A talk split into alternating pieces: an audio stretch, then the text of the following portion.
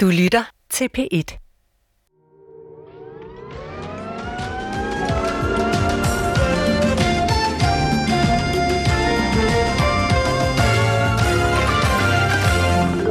Der er i hvert fald en, der kan læne sig tilbage og grine højt, for syv vindertal giver til en enkelt ny jokermillionær 9.348.692 kroner.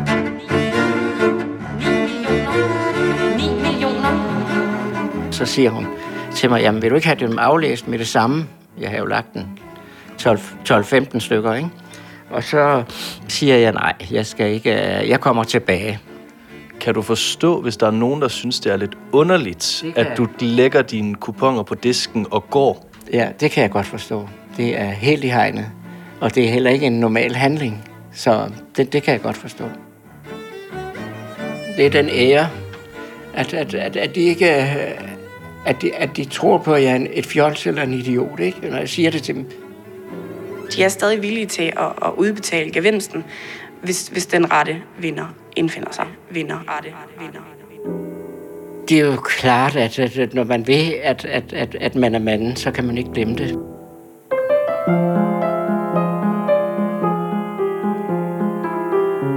For 16 år siden efterlod en mystisk mand sin lottokupon på disken i Strandvejens kiosk i Sæding.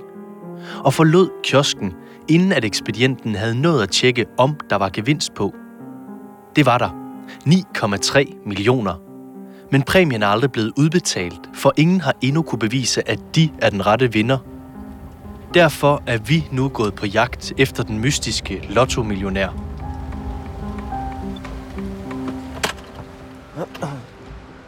Vi har forladt Sæding ved Esbjerg, hvor hele dramaet udspillede sig, og er kørt nordpå til det midtjyske. Vi er på vej for at finde ud af, om den pensionerede mejerist Johannes taler sandt. Blev hans vinderkupon med 9,3 millioner virkelig stjålet af EDB-sælgeren Christian? Men tilfældigvis så var det jo den kupon, du rent med ned fra Søstjernen. Det var min kupon. Bob, så var den lagt på telefonen. Vi ender i indkørslen til et helt almindeligt parcelhus på en villavej i en lille by i Østjylland.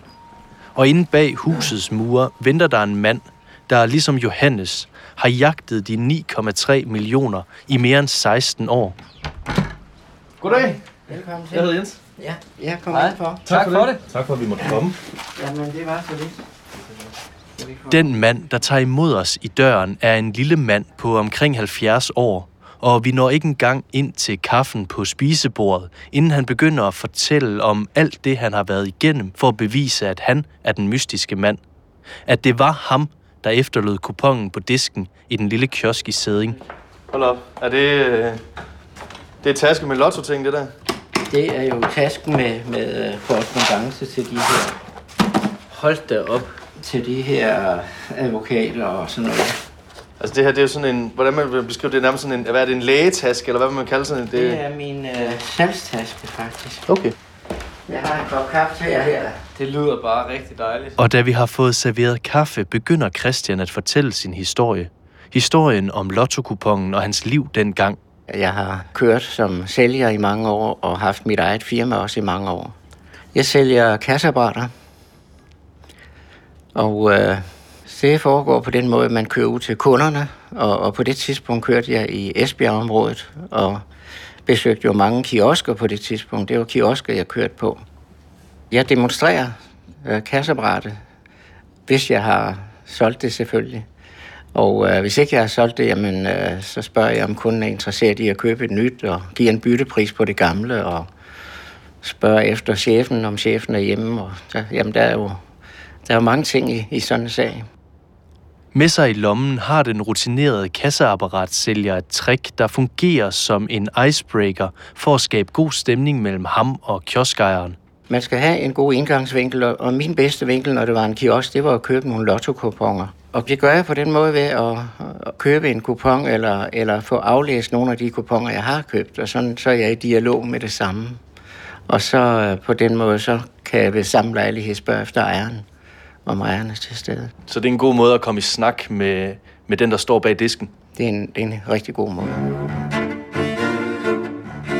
Det er netop det her med at købe lottokuponer for at komme på god fod med kioskejeren, der får rullet Christian ind i historien om lottokuponen.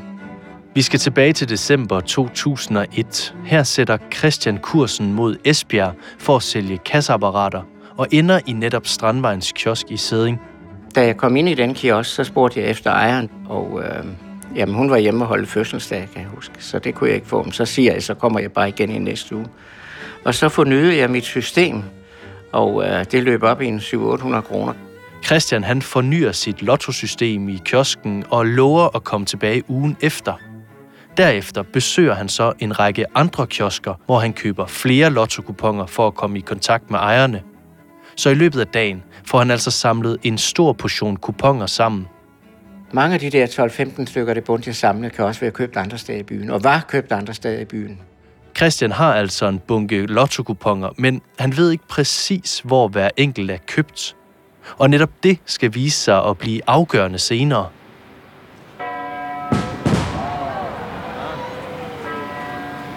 Der går en uges tid. Rådhusklokkerne slår 12, og 2001 bliver til 2002. Det var øh, en meget stressende tid. Der var rigtig gang i den, så det vil sige, at jeg var meget stresset. Jeg kunne ikke huske dagene, jeg kørte, og jeg kunne heller ikke huske de kunder, der ringede til mig til sidst. Men selvom Christian har galopperende stress, fortsætter han med at arbejde for fuld tryk. Og her, en lille uge inde i det nye år, er Christian så tilbage i Strandvejens kiosk i Sæding, der i mellemtiden har skiftet ejer. Og så kommer jeg ugen efter, og øh, ja, der står et helt andet personale, og der står en, som er... Øh, hun siger ingenting, hun er stum, hun står ved kassen, og, og jeg kan, øh, som per rutine kan jeg se, at, at hun var ikke sådan kendt med det.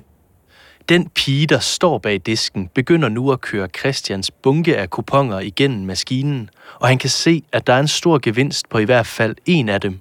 Men den her unge ekspedient ved ikke, hvad hun skal gøre med gevinsten på kupongen. Og jeg fandt så ud af, at hun var nok stum, for hun ville henvende sig til en kollega, som stod over ved, ved væggen ved en lille skranke. Og øh, ind ad døren, der, øh, der kom hvad her det, en, en dame efter mig, nogenlunde på min alder, eller måske lidt ældre. Og hende snakkede kollegaen med, og så øh, kunne hende her jo ikke vise en kupon, så hun stod og trippede, og jeg stod og ventede og tænkte, hvad foregår der her? Altså, jeg, skal jo, jeg skulle videre, jeg var stresset. så, så øh, jamen, vi stod en to-tre minutter, jeg ved det ikke, eller mere. Og så til, sagde jeg så til hende, at nu går jeg, så jeg, jeg kommer tilbage igen. Og øh, så, så vågner hun, den unge dame der, der nok er professionel ekspedient over væggen, og så siger hun til mig, jamen vil du ikke have dem aflæst med det samme? Jeg har jo lagt den 12-15 stykker, ikke? Og så siger jeg, nej, jeg skal ikke, øh, jeg kommer tilbage. Og øh, så jeg fortsatte jo min kioskjagt.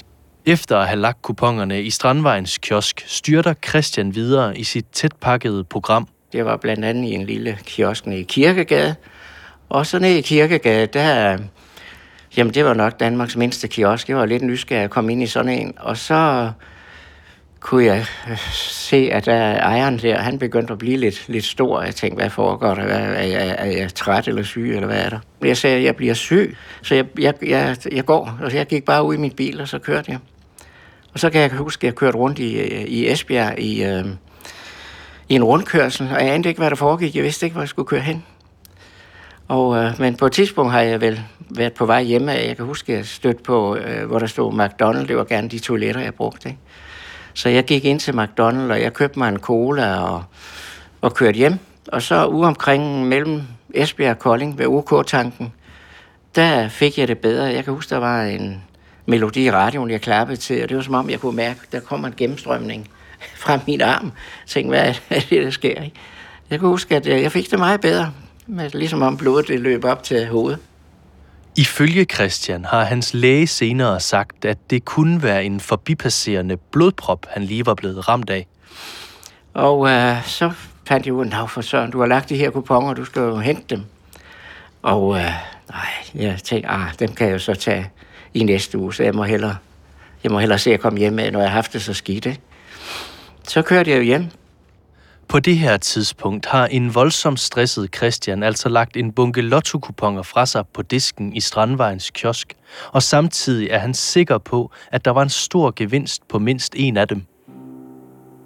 Så en uge senere tager han igen tilbage i kiosken for at få svar på, hvor stor den her gevinst var. Men da han træder ind i kiosken, står der en 4-5 mand foran ham i køen. Og der var ingen til at ekspedere. Det synes jeg var mærkeligt i sådan en butik. Ikke? Mig der var så vant til service. Uh, så tænkte jeg, det var da mærkeligt. Men jeg stod jo der som femte mand. Jeg var lidt mindre end dem i hvert fald. De var større end mig alle sammen, husker jeg. Der var fire-fem stykker. Og så tænkte jeg, nå, jamen, jeg må jo bare vente og vente. Så begyndte jeg pludselig at blive nervøs, fordi der er noget galt her, tænkte jeg, fordi jeg havde jo lagt kuponer frem, og der var penge værd. Så jeg skyndte mig at gå udenom køen og lægge de her to kuponer, jeg kom med at have, nemlig en mere fra systemet og en anden en, lagde dem på disken foran de fire mænd, og der var ingen til at ekspedere. Mens jeg nærmest løber ud af butikken, så siger manden der, jamen der kunne jo være gevinst på, så sagde jeg til ham hen, nej, jeg vinder aldrig noget alligevel, sagde jeg, og skyndte mig ud, ud og tog min bil og kørte alt, hvad remmer og tøj kunne holde til hjem. Der var jeg blevet bange. Den stressede kasseapparatsælger er blevet ramt af et angstanfald. På det her tidspunkt ved Christian ikke, at der er en kupon med 9,3 millioner, der har mistet sin ejer. Det er nemlig ikke kommet frem i medierne endnu. Men da han igen kommer til sig selv derhjemme, går han hen til telefonen for at ringe til Dansk Tipstjeneste. Han har jo set, at der var en stor gevinst på mindst en af de kuponer, han lagde fra sig. Men da han står med røret i hånden, går det op for ham, at han ikke har et eneste bevis for, at det var ham, der efterlod kuponerne på disken. Så i stedet for at ringe til tipstjenesten, beslutter Christian sig for at indlede sin egen efterforskning. Han vil selv indsamle beviser for, at han er vinderen. Altså, jeg henvendte mig til TDC og sagde, at jeg har en moderne telefon, der biber på alle sendemaster, hvis I vil hjælpe mig. Men øh, det ville de så åbenbart ikke. Det, det kunne de åbenbart ikke finde ud af. Så kunne de jo bippe sig frem til nøjagtigt samme tidspunkt, jeg var i kiosken. Og da, da jeg ikke kunne få hjælp den vej, så, så måtte jeg jo ligesom prøve at ja, rekonstruere. Ja, Christian går nu i gang med selv at lave en rekonstruktion af hele forløbet, og derfor kører han tilbage til Esbjerg og tager kontakt til alle de mennesker, der kunne have set, at det var ham, der lagde vinderkupongen på disken. Så køber jeg blomster, kører der over og siger, ja, den og den, jeg har vundet, øh, den og den gevinst, ikke? Christian opsøger den kioskejer, som han er overbevist om ejet kiosken på det tidspunkt. Men til hans store overraskelse er det ikke længere hende, der er ejeren. Og Annette siger, at jeg har solgt kiosken til Ravnhild. Så gik jeg ned med øh, blomster til Ravnhild og siger, ved hvad, du er den nye ejer, og, og jeg har blomster til dig, jeg har vundet den og den gevinst. Det er ikke mig, siger hun, det er Annette. Hun vil ikke tage imod blomsterne. Det er jo der, den går galt. Følgende har jeg også været i hendes kiosk og sagt, jeg vil meget gerne tale med dig personligt, men det hun vil ikke tale med mig. Hans håb bliver dog ikke mindre efter, at nærpolitibetjenten John Holten Jørgensen toner frem i medierne i midten af marts. Her kommer det frem, at en kupon til en værdi af 9,3 millioner er blevet efterladt i Strandvejens kiosk. Og det betyder, at Christian nu er endnu mere opsat på at bevise sig selv som ejer. Han er overbevist om, at det er en af de kuponer, som han har efterladt. Christian opsøger derfor nærbetjenten på hans kontor i Sæding men da han har fortalt sin historie, afviser betjenten, at Christian er den rette vinder, fordi Christian ikke kan huske præcis, hvor han har købt hver enkelt kupon. Men som du nok har fornemmet, så er Christian ikke en mand, der sådan uden videre giver op, og derfor henvender han sig nu til en række advokater for at få hjælp. Så henvender jeg mig til, til en advokat, og, og, og jamen, han ville ikke tage sagen. Så en anden advokat, jeg kan så ikke huske, hvem det var, Heller ikke, fordi han ser, til den er sgu for langt ud, den der. Til sidst får Christian fat på en advokat, der tager sagen, men den her advokat formår ikke at få sagen for retten, og samarbejdet slutter. Christian har altså spildt en masse penge på advokathjælp, uden at komme tættere på at kunne bevise, at det var ham, der efterlod kupongen.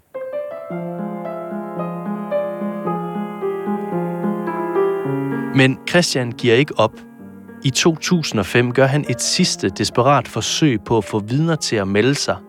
Han går i medierne med sin historie. Fordi jeg søgte vidner, fordi jeg tænkte, nej, nu, nu, nu vil jeg simpelthen ordne det selv. Så jeg kørte simpelthen op til redaktøren og sagde, vil du gøre det? Så siger han, hvorfor kom du ikke med det samme? Jamen, det er jeg også ked af. Så fortalte jeg ham historien, og han rekonstruerede historien.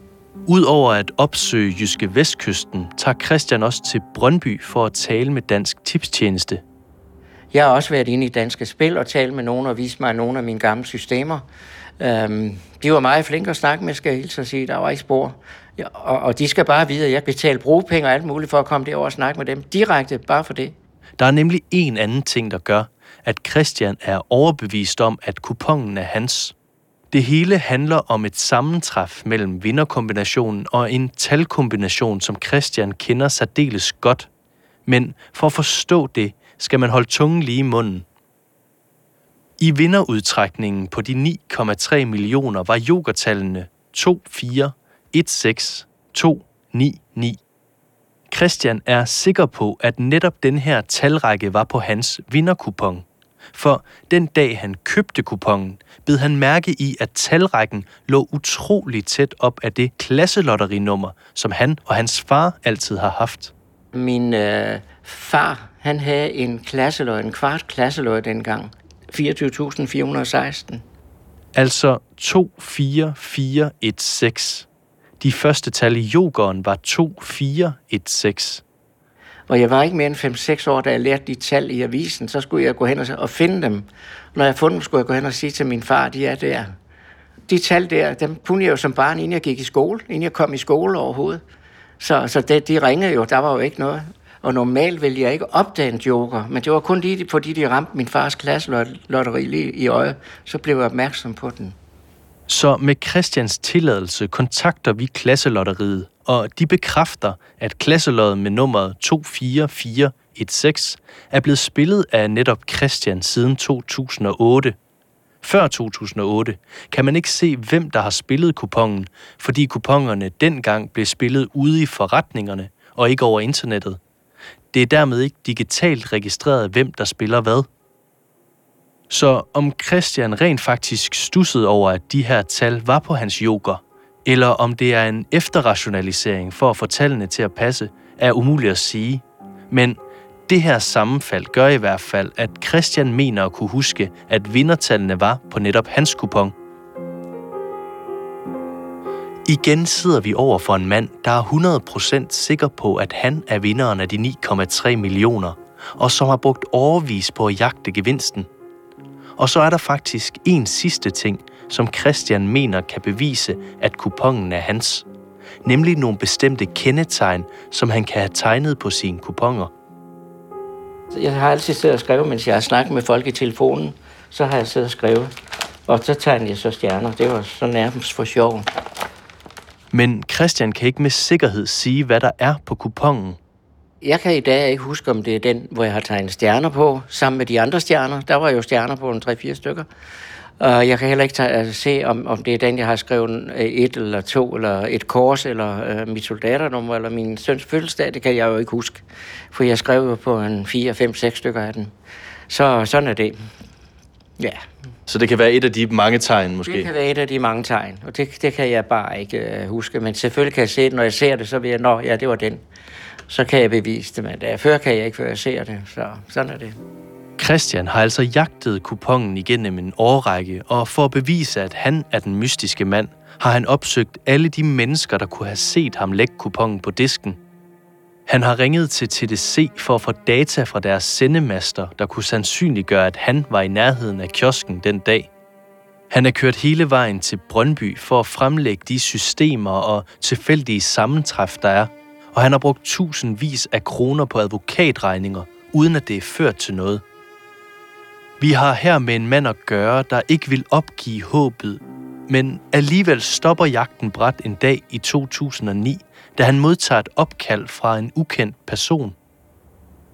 Men da så onde mennesker ringede til mig, at jeg er stjålet den hos dem, så skulle jeg bare ikke have lavet mere. så, øh, så var jeg bare så var jeg bare klar over, at nu skal jeg skynde mig at glemme det her, fordi jeg bliver da bare slået ned, hvis jeg, hvis jeg bliver ved. Så, men I skal også forstå, at jeg har læst i en avis, en pensionist var slået ned for 400 kroner, og det her, det er mange millioner. Så jeg var bange, det var jeg. Netop det her opkald bringer os tilbage til, hvorfor vi i første omgang er taget på besøg hos Christian. Nemlig Johannes' påstand om, at EDB-manden, kasseapparatsælgeren, at Christian skulle have stjålet hans kupon. Du siger det her med, at der er en, der, der er nogen, der ringer til dig. Vi, vi, vi har jo snakket med, med ham, der hedder Johannes, som også har ja. været i medierne, og ja. som også mener, det er hans kupon. Jo. Øh, og han siger på et tidspunkt, at han tror, du har stjålet hans kupon. Hvad siger du til det? Ja, det lyder jo mærkeligt. At hvis, han har, hvis, hvis han har tabt den på gaden eller på gulvet, så samler jeg den selvfølgelig op, men jeg har sgu aldrig stjålet noget fra nogen som helst. Så det, er, det kan I godt fortælle. ja, sådan er det. Det er der ikke noget hold i. Nej, det er der ikke hold i, nej. Kun hvis den er ligget ude på hans fortog eller sådan noget. Ja. så. I dag virker det nærmest som om, at Christian morer sig over beskyldningerne, som om, at det er helt ude af proportioner. Men opkaldet fra Johannes får alligevel Christian til at stoppe jagten.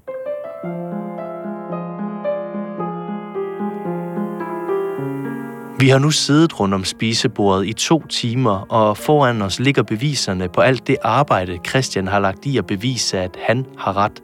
Det er arbejde, han har lagt liv og sjæl og masser af timer i. Et stykke arbejde, der er blevet droppet og pakket væk, efter at han blev beskyldt for at stjæle kupongen.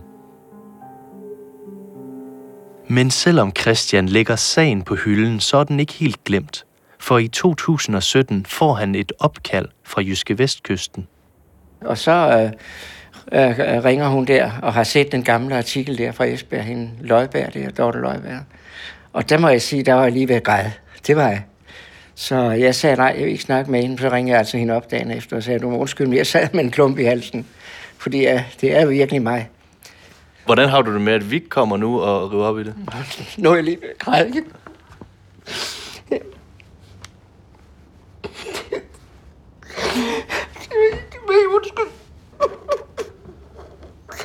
Det er, det er været hårdt.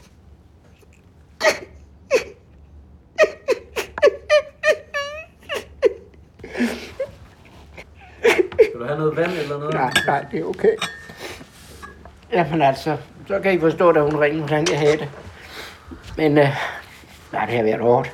Må jeg spørge dig Ja. helt sådan over det, det? Det virker virkelig som om, det betyder meget for dig. Altså, hvad, hvordan, hvad er det, der betyder så meget? Jamen, det er æren. Det er den ære. At, at, at, at de ikke... øh, At de, at de tror på, at jeg er en- et fjols eller en idiot, ikke? Når jeg siger det til dem, så min kone tror, jeg er stresset og et fjols, ikke? Og, og, og det gør andre også. Jeg kan huske, jeg henvendte mig til en god ven, og så sagde han bare, du ringer til mig, når, når du har fået gevinsten, ikke? Det var, jeg kunne se, at han nærmest grinede, ikke? Og øh, jeg kunne jo regne ud, at folk betragtede mig som et fjols. Øh, og så tænkte jeg, nej, det, det skal de ikke gøre mere. Altså, nu skal jeg glemme alt om det. Så Okay, og det kan du ikke. det er jo klart, at, at, at når man ved, at, at, at, at man er manden, så kan man ikke glemme det. Og jeg har aldrig haft det lykkeligere, efter jeg bare kom ud af det og glemte det. Så allerhelst vil du egentlig bare helst glemme det nu. Jeg vil undvære pengene, for helt ærligt. Jeg vil bare glemme det. Fordi jeg, jeg, jeg så blev så dårligt og ondt behandlet, ikke? Så her sidder vi over for en mand, der egentlig helst vil glemme hele den her sag, men som alligevel har sagt ja til, at vi må komme og tale med ham om den mystiske kupon. Og så, ud af det blå, siger Christian noget, vi ikke havde set komme. Noget, der i den grad understreger, at den her sag er betændt for Christian. Min kone vidste ikke noget, mine børn ikke, ikke noget, fordi de skal ikke blandes ind i det. Øhm, og min kone hader i øvrigt spil, så det, det er jo trist. Så jeg har ikke fortalt hende noget.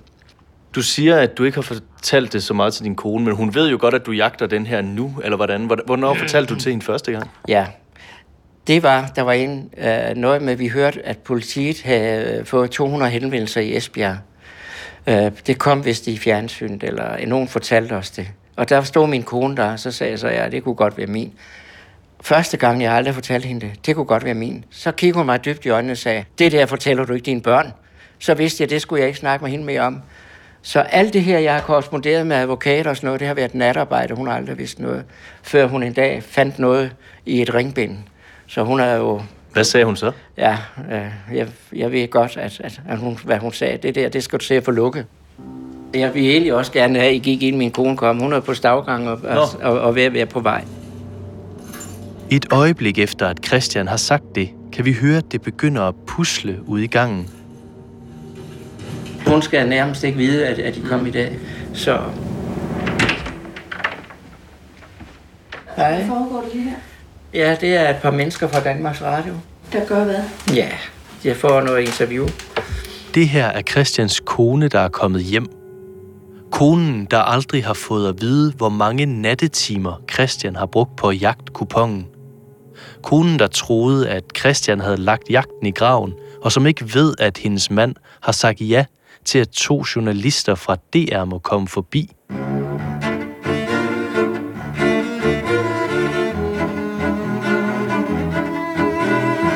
Du har lyttet til tredje episode af Lotto Mysteriet, en podcastserie produceret af P1 Dokumentar.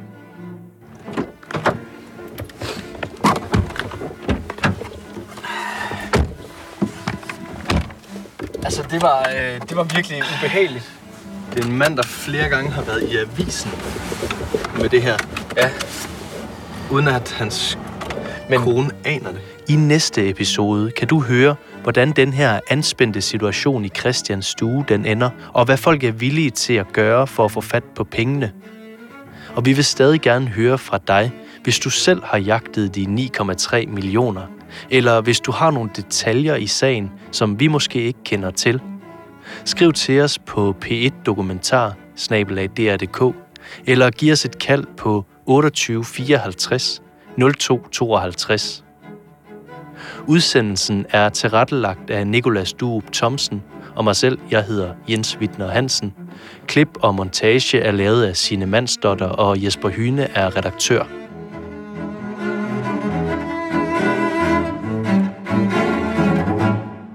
Du kan høre flere P1-podcasts i DR's radio-app. Det giver mening.